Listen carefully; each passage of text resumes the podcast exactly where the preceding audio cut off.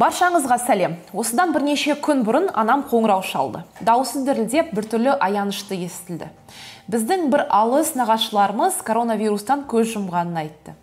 Бұл менің жанұямдағы осы індеттен екінші өлім.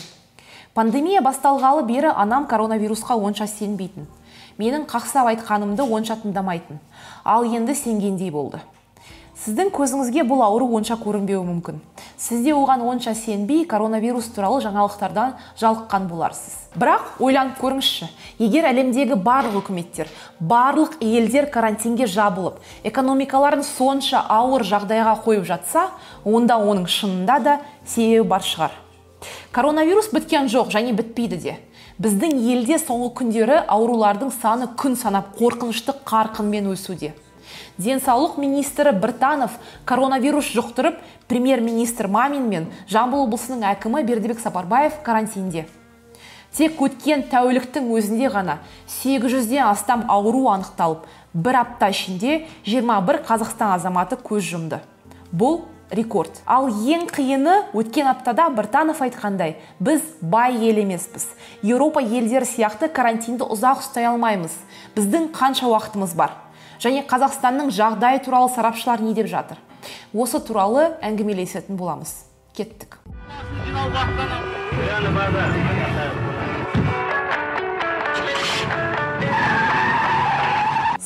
Қазақстанда коронавируспен сырқаттанғандардың саны 20 мыңға жақындап келді. Қазір елімізде симптомы жоқ адамдарды қоса алғанда 19701 жағдай анықталды. Кеше ғана 803 ауру анықталды. Оның ішінде 313 симптомы барлар және 490 жоқтар. Бұл тек анықталғандар ғана.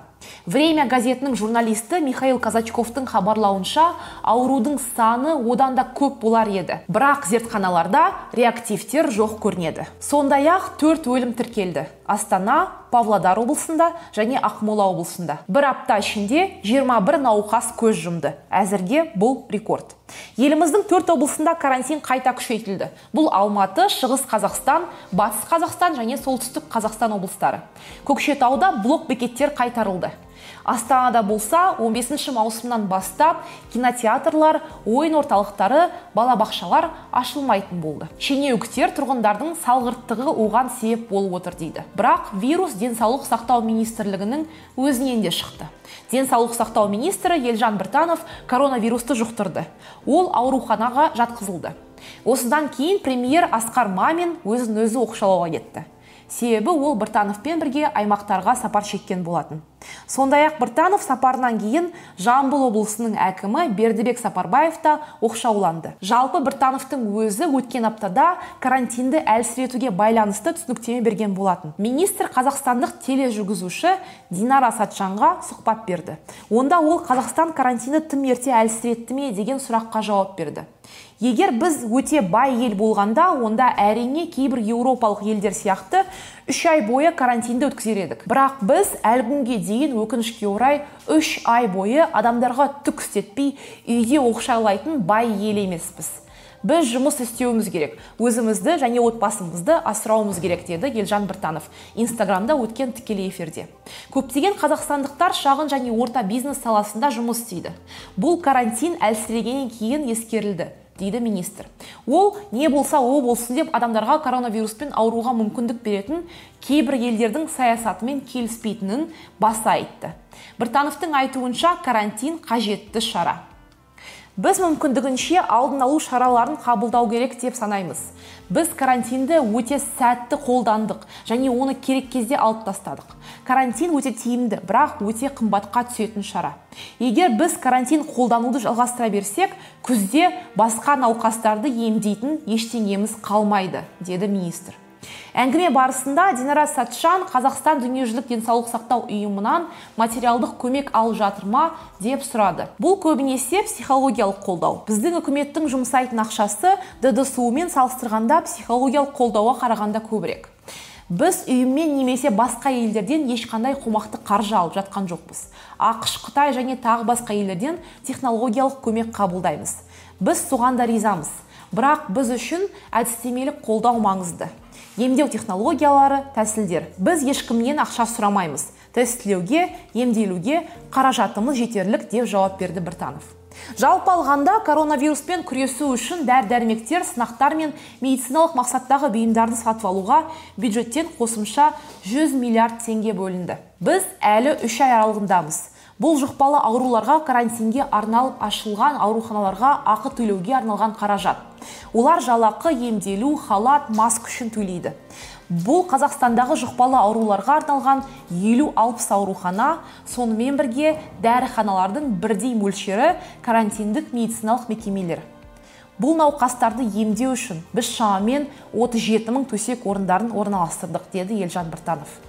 Сонымен қатар жеке қорғаныс құралдарын сатып алуға шығындар көбейді. Бұған дейін қазақстан жылына 20 миллионға жуық бетперде сатып алатын. Енді індет кезеңінде айына 15 миллионға жуық маска қолданылады. Сонымен қатар олар дәріханаларда қымбаттады.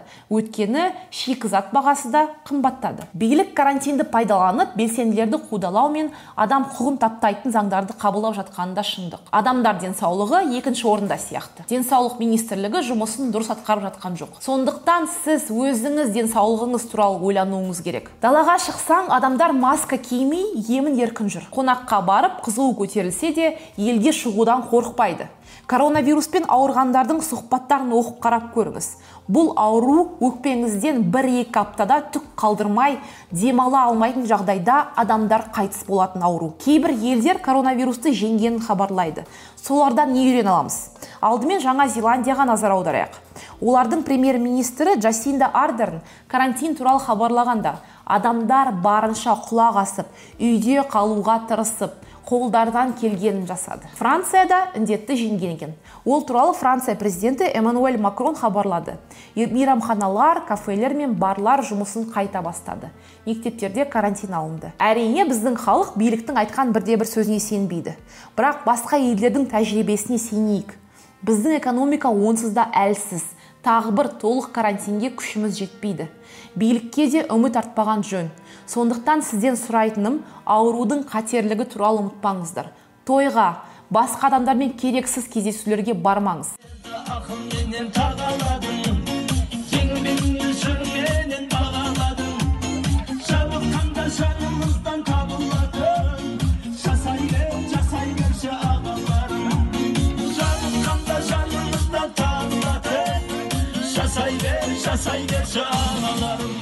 Маска киіп қолыңызды үнемі жууға тырысыңыз.